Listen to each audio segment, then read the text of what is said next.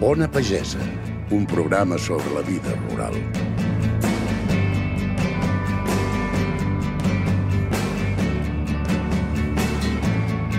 Quan d'un cel blau del nord somriguin núvols blancs i bufi el vent. Hola a tothom, benvinguts a Ona Pagesa, el podcast sobre vida rural del projecte Arrels. Us parla Albert Mercader. Comencem. Miquel Andreu, bon dia. Hola, bon dia. De què parlarem avui? D'energies renovables, o més ben dit, del conflicte que està generant una determinada manera d'implantar aquest tipus d'energia. Una manera que considera que el lloc idoni on instal·lar aerogeneradors i panells solars són els camps de conreu, per exemple, i clar, alguna cosa falla aquí. Doncs som-hi, avui a Ona Pagesa, energies renovables i la seva controvèrsia. El poble escolta Ona Pagesa.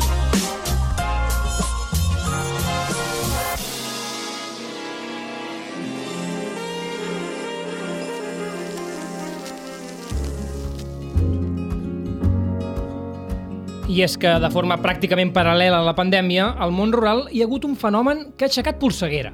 La veritat és que fins fa poc havia passat bastant desapercebut, però s'ha anat fent cada vegada més gros i ja ha tret fins i tot el nas als grans mitjans de comunicació. Parlem de la llau de projectes d'energies renovables, ja sigui eòlics o solars, que han aparegut darrerament. I no dic així allau com una provocació, sinó perquè realment estem davant d'un procés que es caracteritza per una gran quantitat de projectes, quasi tots d'unes dimensions enormes i per un ritme d'aparició rapidíssim en un període curt de temps. Perquè ens en fem una idea d'aquesta intensitat que comentaves, no? Avui dia a Catalunya hi ha una potència eòlica instal·lada de 1.270 megawatts, més o menys. Doncs en poc més d'un any, des de finals del 2019 fins ara, s'han presentat projectes equivalents a una potència de 5.000 megawatts, és a dir, quatre vegades més que el que tenim ara, sorgit en només un any. I això de l'eòlica s'hi afegeix un fenomen paral·lel, que són els projectes per fer centrals solars fotovoltaiques, que en aquest cas parlem d'una potència de més o menys 4.000 megawatts. I clar, aquí és on ens apareix el dilema, perquè teòricament és bo, no?, que apostem per energies renovables. Evidentment, i de fet veníem d'una paràlisi que tampoc no era gens positiva, no? Eh, el problema aquí no és el tipus d'energia amb el que tothom està d'acord, vaja, jo no, no he sentit ningú que s'oposi a les renovables, al contrari, sinó que el problema és el com, la manera amb què s'implanta tot això sobre el territori. Sobretot si tenim en compte que d'aquí a l'any 2030 hi ha el compromís i l'obligació de cobrir la meitat de la demanda elèctrica de Catalunya amb fonts d'energia renovable. Sí, i què passa? Doncs que unes poques multinacionals han dit tranquils que això ja ho cobrirem nosaltres, ja ens en farem càrrec nosaltres, no? I per això el que hi ha sobre la taula són projectes enormes, inassumibles en moltes vegades per butxaques normals o de petits i mitjans inversors, i on ho volen fer? Doncs al camp. I aquí és important que ens aturem i que posem el focus en això que dèiem, de les dimensions, eh? i en sentit literal, perquè, per exemple, en el cas dels aerogeneradors, parlem d'agrupacions de torres de fins a 200 metres d'altitud, perquè us en feu una idea, la Torre Akbar de Barcelona, el famós edifici en forma de pirulí, en fa 140 de metres. Sí, i en el cas de les centrals solars eh, parlem d'extensions de 80, 90, 100 hectàrees o fins i tot més. Eh, penseu que el terreny de joc del Camp Nou, per exemple, en fa 0,7 d'hectàrees.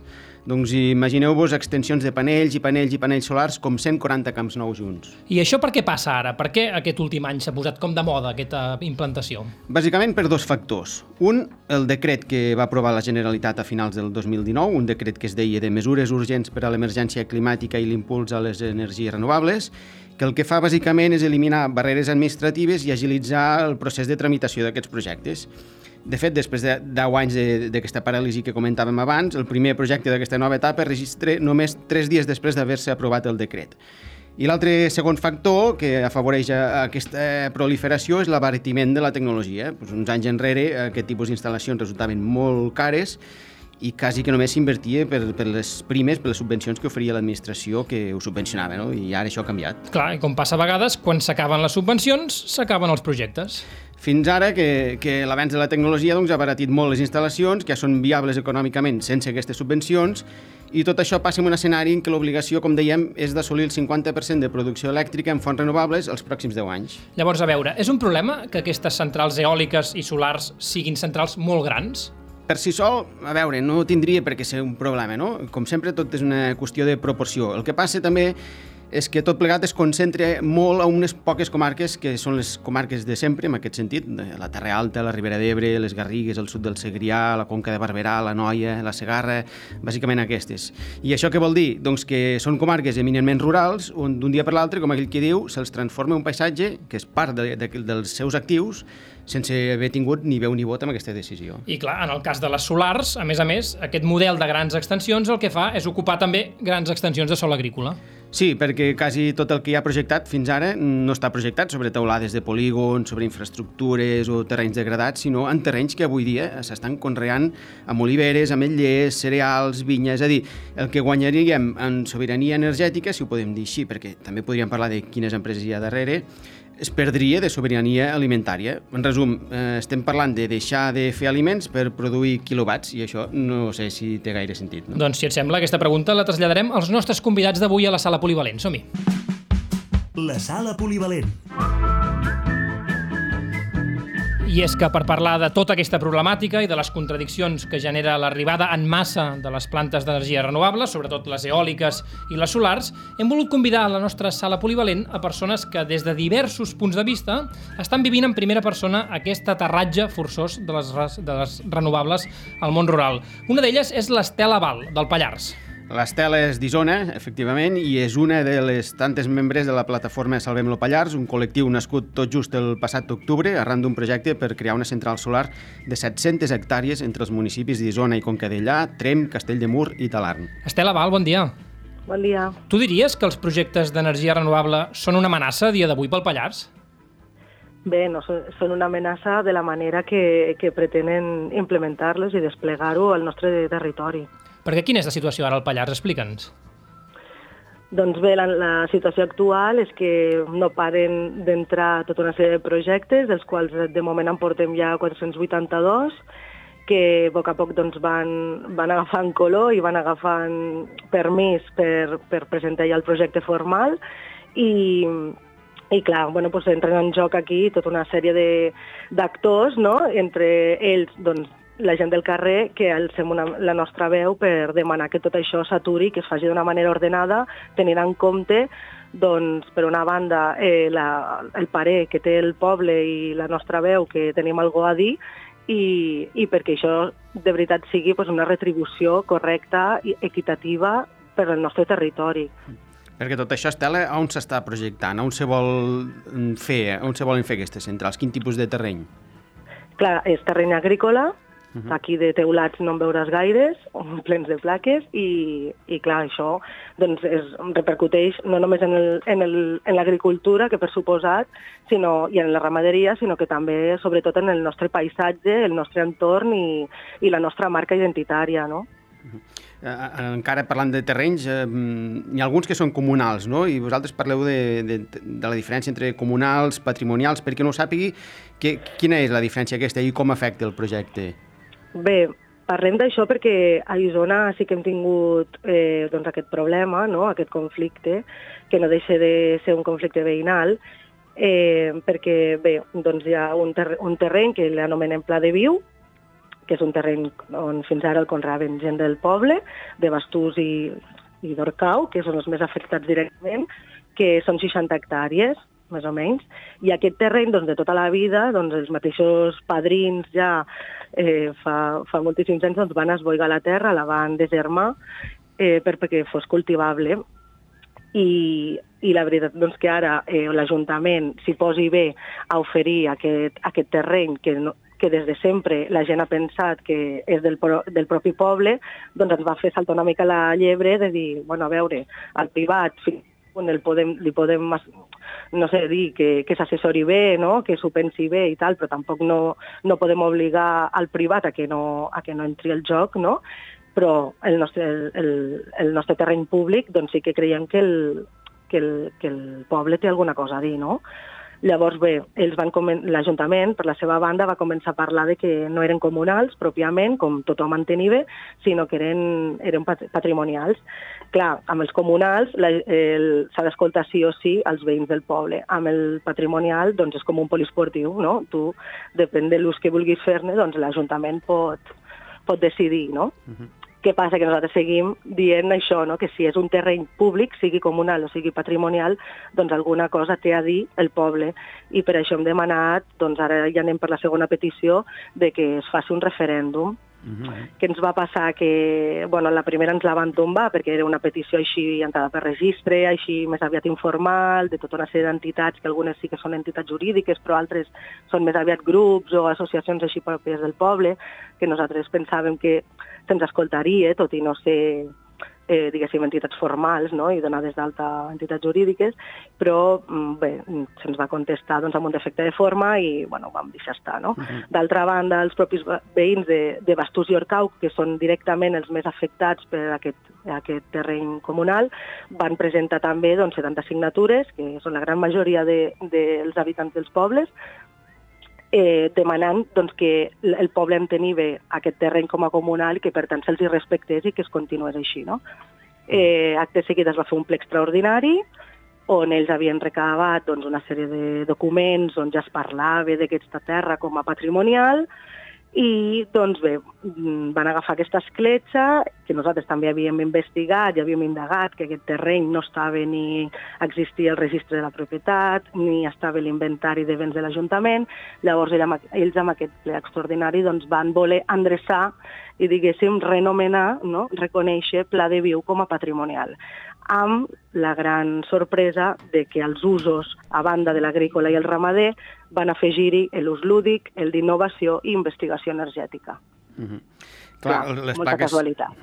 les plaques solars no, no són cap novetat, no? i segur que al Pallars n'hi ha com, com a tot arreu. El que sí que és una novetat és eh, aquestes grans extensions que, que mm. no estem acostumats, de fet és un fenomen nou. No? Qui hi ha darrere mm. d'aquest projecte? Qui, qui ho ha projectat? No, és, no estem parlant de, de com uns anys enrere que particulars o petits inversors es posaven en aquest àmbit, no? Clar, no, nosaltres estem, vam descobrir així d'entrada eh, a Blue Prom, perquè aquí doncs, l'Ajuntament d'Isona i Concadella, per exemple, eh, quan va, va començar a interpel·lar-los la gent del poble amb recollides de signatures i de tot una, no, al, al mateix Ajuntament, doncs ells van promoure unes sessions informatives a, als diferents pobles d'aquí d'Isona i Concadella i a, a la d'Isona concretament, a la capital del municipi, van aparèixer, doncs van presentar a la promotora Blue Prom, que va venir acompanyada de, de l'empresa Forestalia. Clar, aquí ja bueno, se'ns va caure la vena als ulls a tothom, no? perquè vam veure no només que l'Ajuntament ja s'hi posava bé i ja semblava que feia temps que parlaven, no? i que veien com una gran oportunitat eh, pel nostre municipi doncs, tot aquest desplegament. Estem parlant d'Isona i Concadellà, 460 hectàrees, eh, que recordo que serien coses en camps del Barça, vull dir, perquè la gent se'n faci una idea, no? perquè a vegades parlem d'hectàrees com de grams i, i no estem acostumats. Eh? Llavors, llavors, clar, eh, estem parlant d'un impacte supergran i ells ens van venir a explicar no, l'ordenat que farien les coses, no? Blue Prom i, i Forestalia. Clar, estem parlant de lloguers de la nostra terra de 30 a 34 anys. Això ens ho van dir ells. I estem parlant de mini-estacions, que diuen ells, eh, eh, de, tr- de entre 50 i 90 hectàrees cadascuna. Clar, és una veritat. Vull dir, si agafes el mapa i veus, per, comences, per exemple, des de Soterranya i segueixes la, la recta en horitzontal fins a Vella de la Conca, eh, l'impacte visual és brutal. I creiem que, per exemple, aquests terrenys comunals que et parlava abans doncs, també formen part d'un punt, bueno, té un punt bastant estratègic. Esteu sentint l'Estela Val de la plataforma Salvem-lo Pallars d'Isona eh, i ara també volem parlar amb el Jaume Pedrós. Jaume Pedrós, bon dia. Bon dia. El Jaume forma part de la Comissió Permanent Nacional d'Unió de Pagesos i concretament s'encarrega de les àrees de serveis i finances, cooperativisme, temporeres, seguretat social, regadius i energies alternatives. Jaume, és un problema pel món rural l'arribada d'aquests projectes energètics? Veure, el problema és eh, de la manera que els volen implantar. O sigui, nosaltres eh, estem a favor totalment de les renovables, no pot ser d'altra manera, però home, d'una forma endreçada. El que no podem fer és parts de 400-500 hectàrees als millors puestos per conrear i fe- fe- fent fora els pagesos que estan allí treballant en aquests moments. Clar. que nosaltres denunciem.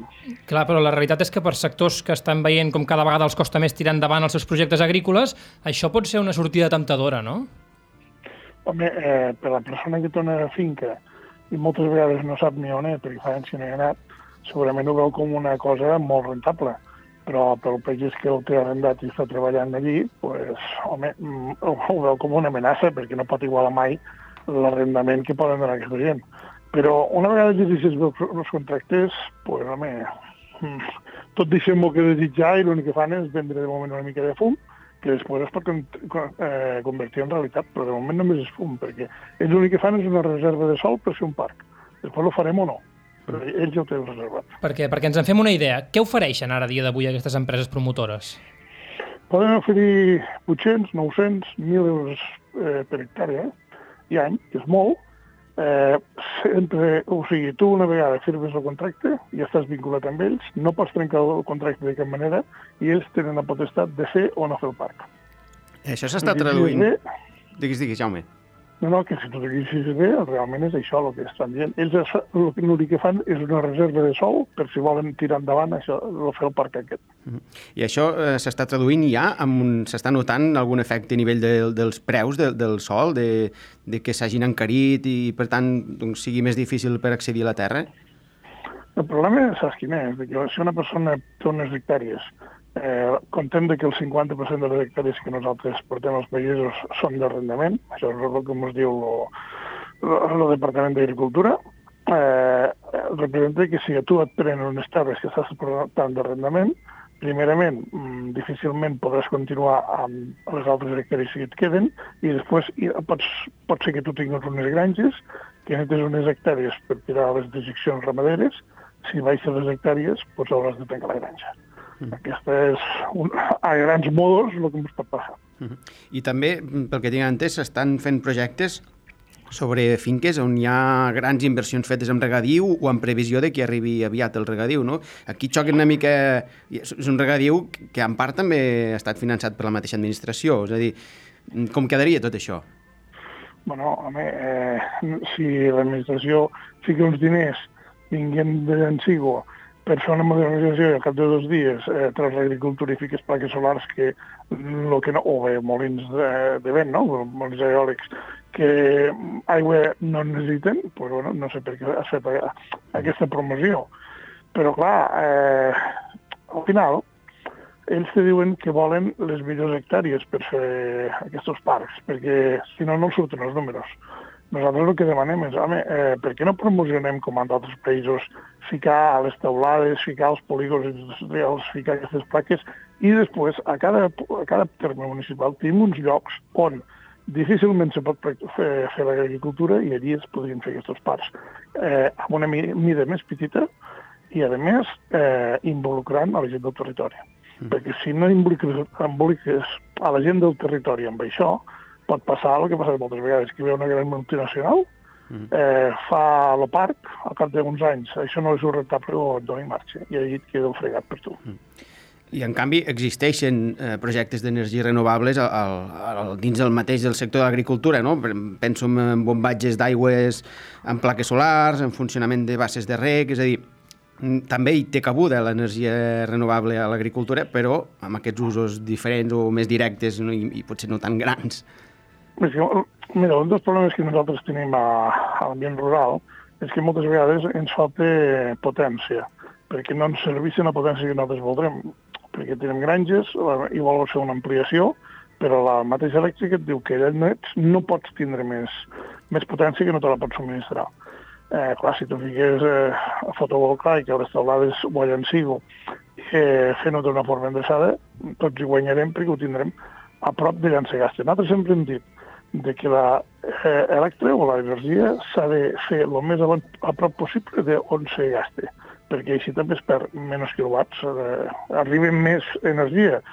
El que es va fer als anys 30, de fer eh, les, les centrals al Pallars o a la, a, a la Vall Fosca i portar-ho fins a Barcelona, això avui en dia no hauria de poder ser, perquè has de fer unes grans línies que perden molts quilowatts, perden molta, molta d'aquesta energia, es perd pel camí i no és el futur. Eh, jo només te vull dir que aquestes centrals que es van fer als anys 30, mm, que es fan amb, amb, amb energia hidràulica, eh, van anar molt bé al seu moment, ara no donen feina a ningú, només hi ha un treballador per fer-ho anar, i, a més, eh, tenen una concessió fins al 2060. O sigui, fins al 2060 poden fer anar l'aigua que ells volen. No la poden fer anar ni per ni per res més. Vull dir, perquè veus hem d'arribar a la magnitud moltes vegades de les coses que es firmen sense mirar. Doncs esteu sentint les reflexions del Jaume Pedrós, d'Unió de Pagesos, sobre no, la problemàtica aquesta que hi ha entorn a, a l'arribada i a la implantació de macroprojectes d'energies renovables al món rural. I, de fet, d'això també en volem parlar amb el Tomàs Cosiner. Tomàs, bon dia. Sí, bon dia. El Tomàs és el president de la denominació d'origen Costers del Segre, entitat que agrupa 36 cellers vinícoles en un àmbit geogràfic que va des del Pallars Sobirà fins a les Garrigues i que aquests dies ha mostrat també la seva preocupació per la massificació de projectes eòlics i solars, tal com han fet també altres denominacions d'origen, tant del vi, penso en la Terra Alta, Tarragona, com de l'oli en el cas de les Garrigues. Tomàs, tu estàs preocupat per aquesta arribada de plantes solars i de centrals eòliques a la teva zona? Eh, evidentment, sí, estem preocupats pues, perquè malmeten diguem, un paisatge que hem estat cuidant durant molts anys, amb el qual hem fet grans inversions eh, en vinya i amb, amb el que és eh, la sostenibilitat de, eh, de tot el que és aquest territori. Creiem que els cellers és un dels actius més importants als petits pobles per a poder desenvolupar eh, tant el que és una economia, perquè tenim, eh, diguem, fixem gent al territori, i a més a més, evidentment, tenim tot l'apartat de no turisme, turisme a través de la ruta del vi, que eh, és important i que creiem que és un dels futurs dels pobles rurals en perill de despoblació en aquests moments. No? Mm, Clar, l'enoturisme va molt vinculat no? amb aquesta, al paisatge, a, un determinat paisatge. El, el, el món dels cellers Bueno, sempre sí. es relacionem molt amb aquest paisatge, no? Bueno, el vi és territori, el vi és procedència, el vi és paisatge i el vi, eh, eh, diguem que el prestigi d'una bodega se guanya de moltes maneres i una de les maneres és tindre les vinyes en llocs idíl·lics, no? En aquests moments eh, se'ns presenten uns projectes, sobretot, e- sobretot eòlic, a les, eh, a les, a les terres aquestes de muntanya, amb el qual doncs, bueno, ens volen ficar aerogeneradors de 200 metres d'alçada, eh, molt a prop eh, i visualment eh, de lo que nosaltres utilitzem des del punt de vista de clients i on nosaltres donem la gastronomia de la nostra terra al mig de les vinyes als nostres clients i, evidentment, ens preocupa doncs, perquè trenquen una mica tot aquesta, aquest paisatge del qual nosaltres eh, en traiem eh, doncs, un rendiment econòmic a través de la venda del vi. Perquè, Tomàs, vosaltres què, què els hi demaneu a l'administració o a les institucions? Què, quina és la vostra reivindicació? Com s'hauria de planificar això? Bueno, nosaltres pensem que, primer de tot, estem a favor de les energies renovables, això està clar. Eh, creiem que aquestes energies renovables tindrien que ser més socials, eh, el qual eh, fos més inclusiu per la gent eh, de, que pugui participar més, eh, més eh, capital, diguem, social o cooperatiu eh, o local. Eh, creiem que actualment, tal com està planificat amb, eh, a través de grans companyies, no deixen res al territori, simplement deixen els molins. Creiem que és un, eh, un insult per, pel territori el fet de que eh, empreses que millor seran australianes d'aquí quatre dies eh, puguin ficar un molí a casa teva despreciant tota la feina i tot el teu potencial a nivell turístic i el que creiem és que tindria que donar un espai important a lo que és la cooperació social per a que poguessin ficar plantes amb les mateixes condicions que les grans companyies. D'aquesta manera, eh, diguem que el benefici aquest eh, que hi ha amb aquest, eh, eh, amb aquest món de la sostenibilitat, amb aquest món de, de les renovables, que actualment és un, un actiu de cara al futur, podria eh, fixar la gent al territori si donessin també un benefici al territori. Per tant, creiem que tindria que deixar molt més espai en aquest aspecte.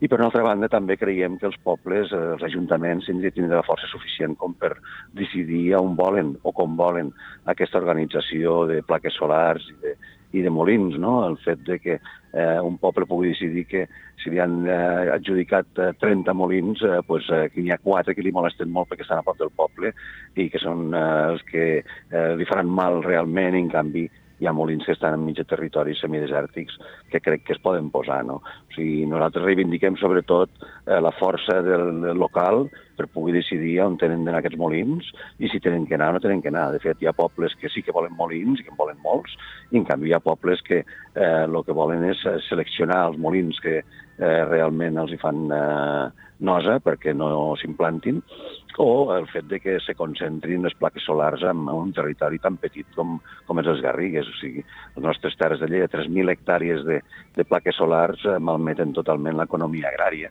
perquè simplement és una, és una font d'ingressos eh, una mica maligna pel fet de que eh, els beneficis van tots a grans companyies que són multinacionals, que no tenen res que veure i que desprecien totalment allà el territori amb el qual instal·len les seves instal·lacions. Esteu sentint el Tomàs Cosiner, ell és el president de la denominació d'origen Costers del Segre, ens explica el malestar no?, que hi ha darrere de l'arribada doncs, d'aquests macroprojectes d'energies renovables a la zona de les Garrigues. I deixeu-me saludar, en aquest cas a la Sagarra, a la Montserrat Cubero. Bon dia, Montserrat. Hola, molt bon dia. La Montserrat ha estat sempre vinculada a la posada en valor del patrimoni cultural i és directora dels serveis tècnics de Turalcat, la Confederació del Turisme Rural i l'Agroturisme de Catalunya. Forma part també de la PACA, la plataforma d'afectades per la concentració d'aerogeneradors, creada ara fa un any als territoris històrics de la Segarra, que inclouen també parts de la Noia i de la Conca de Barberà. Montserrat, quin és el problema dels aerogeneradors a dia d'avui a la Segarra? Home, el problema és que en teníem eh, instal·lats al, voltant de l'any 2010, per, per generalitzar, 18 unitats que agafaven l'extrem est i l'extrem sud, eh, molt, llocs molt puntuals de la Segarra, i en els primers nou mesos del 2020 se'n van presentar 144, 144 nous, tots considerats viables per la ponència de les energies renovables. Això vol dir que passarem a tenir-ne 162 i a ser una de les principals comarques productores d'energia eòlica del país. Però, clar, eh, això semblaria positiu, però és que té tot un munt d'aspectes negatius que incideixen en el territori i en la qualitat de vida de la seva gent i en les oportunitats de futur de la població jove. I això és el que ens preocupa. Mm. Si no, no és tant el tipus d'energia, sinó la quantitat, no? Fonamentalment la quantitat. A veure, um, s'està produint una situació molt, molt peculiar amb, aquesta, amb aquest model de transició energètica que s'està implantant i que voldríem reconduir. El cas és que es considera que el paisatge no té cap valor. Va? No se li dona cap valor, no, no ha de rebre cap compensació, és una cosa que es pot malbaratar eh, sense cap fre ni limitació. I en canvi nosaltres considerem que el paisatge és absolutament vital per al conjunt de Catalunya. El paisatge és el rostre del país. No és només un, un element que benefici les àrees rurals, és el conjunt del país el que necessita estar endreçat, estar arreglat, estar en bones condicions. I a més a més cal tenir en compte que, seguint eh, normatives europees, aquests darrers 15-20 anys s'han fet molts esforços per regular les pedreres, perquè les granges eh, del sector ramader no tinguessin impacte en la qualitat del paisatge, per regular la qualitat dels cels nocturns. S'ha regulat un munt de coses, s'ha obligat els pobles a canviar totes les lluminàries dels pobles per no fer emissions eh, cap, a, cap al cel nocturn. S'han regulat els nivells d'emissions sonores. S'han millorat les condicions de vida en general en, en, el, en el conjunt del país, però també en el medi rural, i ara, en canvi, tot això ja sembla que no importi, perquè eh, es deixen posar aerogeneradors arreu, no únicament a la Segarra, si només posar a la Segarra seria un problema menor, però arreu de Catalunya, en moltes parts de Catalunya. I acabarem amb tot el nostre paisatge, que són paisatges en la seva majoria que han patit molt poques transformacions en els darrers 800 anys, des de que es va generalitzar el conreu agrari a la major part de les zones eh, que eren més fàcilment de fer-les rendibles per al conreu, i en canvi ara ho transformarem tot això en una, en una paisatge industrialitzat, amb aquestes torres de 200 metres d'alçada que ompliran pràcticament totes les carenes del territori. Mm -hmm. El que sí que és cert és que hi ha el repte aquest d'avançar vers les energies eh, renovables i hi ha qui Correcte. diu que, que aquesta oposició de plataformes, eh, de gent del, del món rural, no deixa de ser un rebuig a tot, no? allò que coneixem com NIMBY. Què dieu vosaltres davant davant d'aquestes acusacions? Primer, que és una absurditat. I segon, que tota la ciutadania hauria d'entendre que realment s'està eh, produint un perjudici i una pèrdua de qualitat de vida de la gent que li cau un molí a prop. A la Segarra, el 64% dels aerogeneradors que s'han aprovat estan a menys de 1.000 metres d'un pont habitat, o d'una masia o d'un poble. Mm. Tenim un poble que eh, acabarà tot el seu entorn envoltat de molins i el més proper el tindrà 500 metres. 500 metres és res, són 5 minuts de caminar. Mm -hmm. És res és una proximitat extrema. I això no es limita, no es regula de cap manera. Tots estem d'acord que hem de fer la transició eh, energètica, però es pot fer de moltes maneres. Es pot fer d'una manera que sigui realment responsable amb el territori i que es faci al servei de la ciutadania, i això implicaria doncs, potenciar les instal·lacions d'autoconsum arreu, a ciutats, eh, també a les empreses, en els polígons industrials, i això permetria, pel cap baix, pel cap baix, produir però ja, mm, diguem-ne que posant-nos a la franja baixa, eh? una quarta part, com a mínim una quarta part de, de l'energia que necessita el país. Un estudi de l'Incasol preveia que ocupant totes les teulades del territori es podria arribar a, a produir el 50% de l'energia elèctrica que necessita el país. El 100% no les podrem cobrir, però si en cobríssim el 50% tindríem el 25% de l'electricitat del país ja creada només amb aquesta mesura. Però després hi ha tot un munt d'altres mesures. Tenim la biomassa, que no s'està aprofitant i que té un gran potencial i que, a més a més, ens ajudaria, si gestionéssim bé els boscos, a poder-los mantenir nets i fer molt més difícil que els incendis que eh, ens venen estiu sí, estiu no, doncs eh, quedessin més limitats, no s'estenguessin tant, podríem ajudar a conservar el nostre patrimoni boscós. Hi ha moltes mesures que es poden aplicar, posar centrals eh, de producció d'energia prop dels llocs de consum, ocupant polígons industrials, hi ha moltes maneres de fer. Um, si obrim la mirada, les alternatives són immenses. Hi ha noves tecnologies que les tenim a tocar, que aviat seran una realitat, la marina flotant, l'agrivoltaica vertical que permet conreus i, i producció fotovoltaica simultàniament. Hi ha infinitat de mesures que podem aplicar. L'únic que hem de fer és intentar que aquesta transició energètica la fem al servei dels ciutadans i no al servei dels oligopolis que guanyen uns beneficis enormes amb aquestes instal·lacions. Doncs avui a Ona Pagès hem volgut parlar d'aquesta polèmica, eh? d'aquesta afectació que hi ha per l'arribada de macroprojectes d'energia i l'afectació i la vinculació que té al territori i ho hem fet amb el Jaume Pedrós, amb l'Estela Val, amb el Tomàs Cosiner i amb la Montserrat Coberó. Ja ho veieu, el debat està obert i segur que ho estarà en els temps que venen. Ona Pagesa. Escolta't.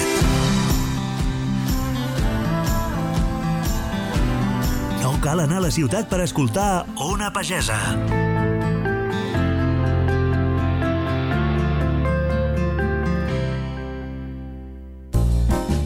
L'Agrotuber. Llauro Indignat, el nostre agrotuber de capçalera, com estàs? I criminal, com va per ahí? Com va la marxa? Jo, bé, bé, per així, navegant, com sempre. Escolta, una pregunta. Que teniu sí. plaques solars aquí a Cullera, al País Valencià? Ah, això són mariconaes, plaques solars. Així nosaltres això no ho necessitem per res, home. Així volem gasoil, gasolina, carbó i quan més contaminen millor. Com més flama millor. Eh? Mira, aquests dies, ara fa unes setmanetes que tenim, uh, tenim flames també aquí a Barcelona i a Catalunya en general. pues mira, justament avui, clar, jo és que avui volia, volia parlar-vos de, de, de, de, de la tomaca valenciana, que és un tema que tenim pendent, explicar-vos les característiques de la tomaca valenciana, però és que, clar, és que sempre que ho intente passa alguna cosa que, que em desbarata, em desbarata el, el, el programa, perquè, clar, jo esta setmana estic, estic molt indignat, de veres, Albert, estic molt indignat Vaja, amb els jutges, amb la policia i amb la puta mare que els ha parit a tots. Estic molt indignat. I això, per què? Què passa? Què ha passat aquesta vegada? Home, pues, pues, pues, pues tu diràs que ja resulta que han, han, han tancat en la presó a un criminal, a un criminal, a, a, a un tio que li diuen Pablo Hasél, eh, que clar, que aquest tio pues, l'han condemnat, no sé si a dos anys i mig, l'haurien d'haver condemnat a 40 anys de presó. Home, això és un criminal. Eixe xic és un cantant de rap. Eh, és un cantant de rap. Eixe tio és més perillós que qualsevol neonazi, qualsevol jihadista, qualsevol lo que siga. Eh? On s'ha vist que, que un cantant de rap, que un terrorista, el, el, el condemnen només a dos anys i mig de presó, home, això, això, jo no, no ho he vist en, en, en cap de puesto. I clar, i després estic, estic molt indignat amb, la, amb els antidisturbis de la Policia Nacional i dels Mossos d'Esquadra, els tios ahir, deixant que la gent es manifestara tranquil·lament. Encara li han pegat poc als manifestants, els haurien d'haver pegat més, home. Home, Déu-n'hi-do, eh? Ja el que hem pagat aquestes últimes setmanes de, no, no s'han quedat curts, eh? Però, però, home, però on s'ha vist que la gent es puga manifestar? Els hauria, els hauria... N'hi haurà mosso que, que voldria haver matat els manifestants, home. Perquè, total, ja veus tu, el màxim que han fet que és buidar-li un ull a una xiqueta de 17 o 18 anys, veges tu, si és que, és que, és que després els antidisturbis d'això s'estranyen si els diem que són uns criminals i, i, i uns fills de putes, home, on s'ha vist això? Eh, que a una xiqueta li, lleven, li, li, li buiden un ull. Bueno, i, i després l'altre, després l'altre.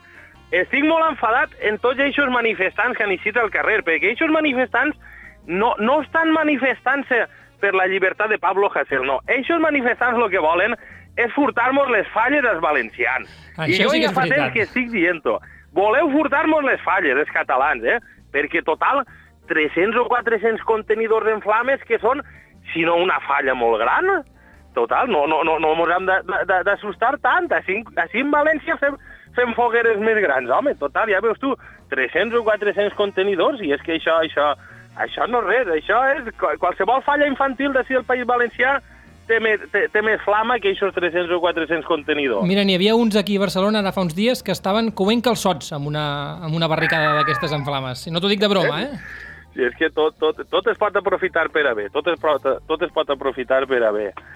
Pues bueno, res, jo espero que els oients hagin entès que, que tot això era, era una broma i que, i, i que, i que la, la situació que, que s'està vivint, que això, que això és ofegant, i clar, jo voldria parlar d'agricultura, però és que amb, amb el que està passant, pues no, no es pot parlar d'agricultura. I jo espero que els oients hagin, hagin entès que, que el llauro indignat està totalment en contra de l'empresonament de, de Pablo Hasél, perquè és que jo no sé, un cantant que el, que, el, que, el, que el tanquen en la presó per terrorisme, per total, per dir el que sabem tots, que és que el rei és un putero, és un borratxo, i és un lladre i és un assassí, si és que ho sabem tots, matar el seu germà. El, tio, el Juan Carlos de Borbón és un assassí que matar el seu germà quan tenia 14 o 15 anys, li pega un tir al cap, eh? i el pobre xic este me'l tanquen, me'l tanquen per fer cançons, eh? i on s'ha vist, en quin país democràtic s'ha vist que tu te'n vagis a una manifestació eh? i la policia et, et, et, et matxaqui a palos. On s'ha vist que en un país democràtic vagis a una manifestació eh? i tornes sense ull o sense testicles, eh, o amb el crani enfonsat, perquè un antidisturbi se n'ha passat en la farlopa que ha snifat eh, i van locos per ahí que, que pareixen animals salvatges. Me caguen la puta mare. Estic molt indignat, eh, Albert? Ei, que no vagin fent la mà, perquè com agarra el tractor i m'empuja allà a Barcelona, em caguen la mare que ens ha parit a tots, fills de puta. Ona Pagesa. Escolta't.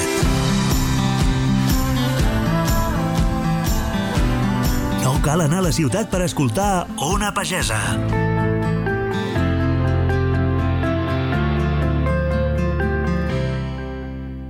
Ja sentíeu el nostre llaure indignat, aquesta vegada més indignat que mai, i m'atreveixo a dir que amb bastanta raó. Nosaltres canviem de tema perquè abans de marxar volem anar, com sempre, a la postdata, que ens la costa el Josep Socarrats, el director del projecte Arrels.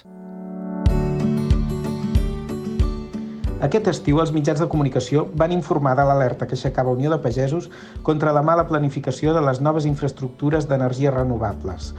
La denúncia podia descolcar una mica. És difícil estar en contra d'energies verdes que contribueixin a raconar les energies fòssils que tanta responsabilitat tenen en el canvi climàtic. Però l'alerta tenia fonament perquè un canvi energètic sense una reflexió sobre la gestió del territori pot comportar que milers d'hectàrees que Catalunya destina o pot destinar a la producció agrària passin a ser afectades per infraestructures d'energia solar o eòlica que les inutilitzarien per aquesta activitat original. I no parlem dels canvis en el paisatge i els ecosistemes que pot comportar un desenvolupament descontrolat d'aquests tipus de parcs energètics si no s'han planificat racionalment. No és moment de lluitar en contra de les energies verdes, és clar, però això no exclou que Catalunya hagi de rellençar el sector productiu, revitalitzant el gran valor de la nostra pagesia, que és la producció alimentària. Temem que la temptació del diner suposadament fàcil que pot generar la indústria energètica, per molt verda que sigui, acabi desequilibrant encara més el nostre món rural. Fem un pacte. Posem sobre la taula les necessitats energètiques del país, que provenen sobretot dels entorns urbans analitzem els espais que les poden resoldre, que ubiquem gairebé exclusivament al món rural. Escoltem totes les veus, però sobretot les del territori, massa sovint poc escoltat. I entre uns i altres dissenyem un futur en què la sostenibilitat energètica no comprometi el futur i la sostenibilitat alimentària. Ona Pagesa, el programa que escolto des del tractor o quan estic a la granja amb les gallines, o amb els porcs, o amb els conills. Aquí tothom ho escolta.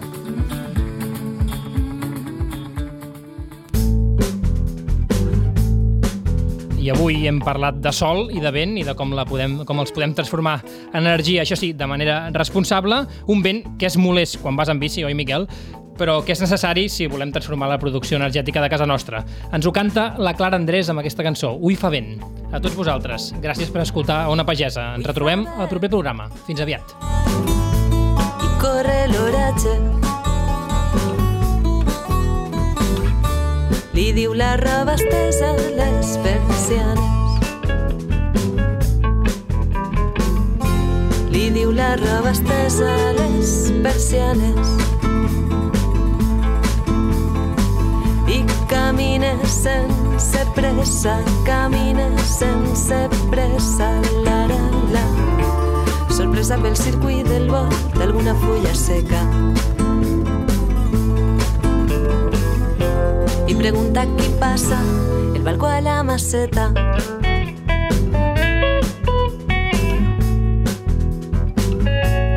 Avui fa sol, renega el paraigües. Mai plou a gust de tots, diuen les àvies.